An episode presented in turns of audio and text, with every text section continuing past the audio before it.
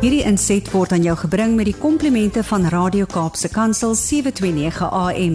Besoek ons gerus by www.cape pulpit.co.za. Goeiedag vriende. U luister na Erika de Tooy by die Wes-Kaapse Vereniging vir persone met gestremthede. Kom ons gesels oor gestremdheid. Soos die einde van die 16 dae van aktivisme vir geen geweld teen vroue en kinders wel tog naderkom, is dit al toepaslik om oor die verwerking van trauma te besin. Trauma word veroorsaak wanneer onnatuurlike en onverwagte gebeurtenisse vrees en afkeer by 'n mens veroorsaak.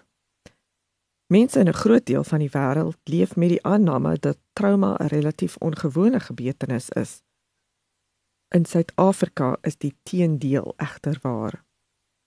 Duisende mense, insluitend persone met beperkings en gestremthede, word daagliks voortdurend aan onaanvaarbare hoë vlakke van geweld blootgestel. Dit is nie meer net 'n ongewone gebeurtenis vir jouself om die slagoffer van geweld te word om getuie te wees van traumatiese gebeure nie as gevolg van die buitengewone hoër voorkoms van misdaad en geweld in ons land. Die graad van trauma of die tydperk wat die slagoffer aan die trauma onderwerp is, is bepalende faktore van die simptome en prognose wat deur die slagoffer ervaar sal word.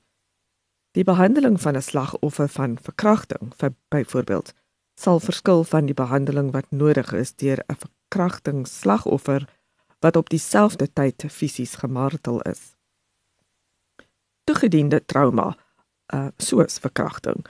Trauma as gevolg van natuurampe of blootstelling aan herhaalde trauma soos seksuele molestering lei dikwels tot 'n toestand genaamd posttraumatiese stressindroom. Dit sal terugflitse kompulsiewe angstige gedagtes rakende die gebeurtenis ontkenning wisselvallige emosionele buie en vermydingsgedrag behels Psigiaters skat dat tot 10% van die bevolking deur klinies diagnoseerbare PTSD geraak is. Nog meer toon slegs sommige simptome van die verstoring. Terwyl daar vroeër gedink is dat dit meestal 'n verstoring was van oorlogsveterane wat by swaar gevegte betrokke was, weet navorsers nou dat PTSD enigiemand kan beïnvloed wat by 'n beduidende traumatiese gebeurtenis betrokke was. Gedurende die eerste maand van 'n voorval is 'n stabiele ondersteuningsstelsel van die uiterste belang. Volgens terapeute word posttraumatiese stresversteuring normaalweg gediagnoseer wanneer die simptome langer as 'n maand aanhou. Psigiaters en ander mediese spesialiste het goeie sukses in die behandeling van die werklike gevolge van PTSD deur 'n verskeidenheid behandelingsmetodes te gebruik, help hulle mense wat aan PTSD ly om deur al trauma en pyn te werk om hul uitgedrukte hartseer op te los. Dit is belangrik om sag te wees met jouself en om jouself tyd te gee om te genees. Om 'n trauma te oorleef, stres beide die gees en die liggaam. 'n Persoon wat 'n trauma oorleef het, kan nie verwag om onmiddellik na die trauma te funksioneer soos hulle normaalweg gedoen het nie. En dit is nie 'n goeie tyd om dan belangrike besluite te neem nie. Terapeute kan gesinsterapie aanbeveel, aangesien dit die gedrag van die gade en kinders kan beïnvloed. Huweliksmaats en kinders meld dikwels dat hul geliefde nie kommunikeer, liefde toon of gesinslewe deel nie. Deur met die gesin te werk, kan die terapeut daaraan werk om verandering binne die gesin teweeg te bring. Familielede kan leer om die verskeidenheid emosies wat elkeen voel te herken en te hanteer. Terapie wat besprekingsgroepe of ondersteuningsgroepe insluit, is nog 'n effektiewe behandeling vir baie wat aan PTSD ly. Hierdie metode moedig oorlewendes van soortgelyke traumatiese gebeurtenisse aan om hul ervarings en reaksies daarop te deel. Sodoende help groeplede mekaar om te besef dat baie mense dieselfde sou reageer en dieselfde emosies sou ervaar het. Dit help die individu op sy beurt om te besef dat hy of sy nie uniek onwaardig of skuldig is nie. Met verloop van tyd verander individue hul opinies van hulself en ander en kan 'n nuwe siening van die wêreld bou en 'n positiewe sin van self herdefinieer.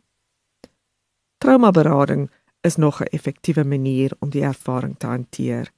Die persoon kan individuele sessies gaan waar hy of sy deur die ervaring kan praat en deur die pynlike gevoelens soos woede of hartseer, selfskuld kan werk. Maniere om die simptome te hanteer kan ondersoek word.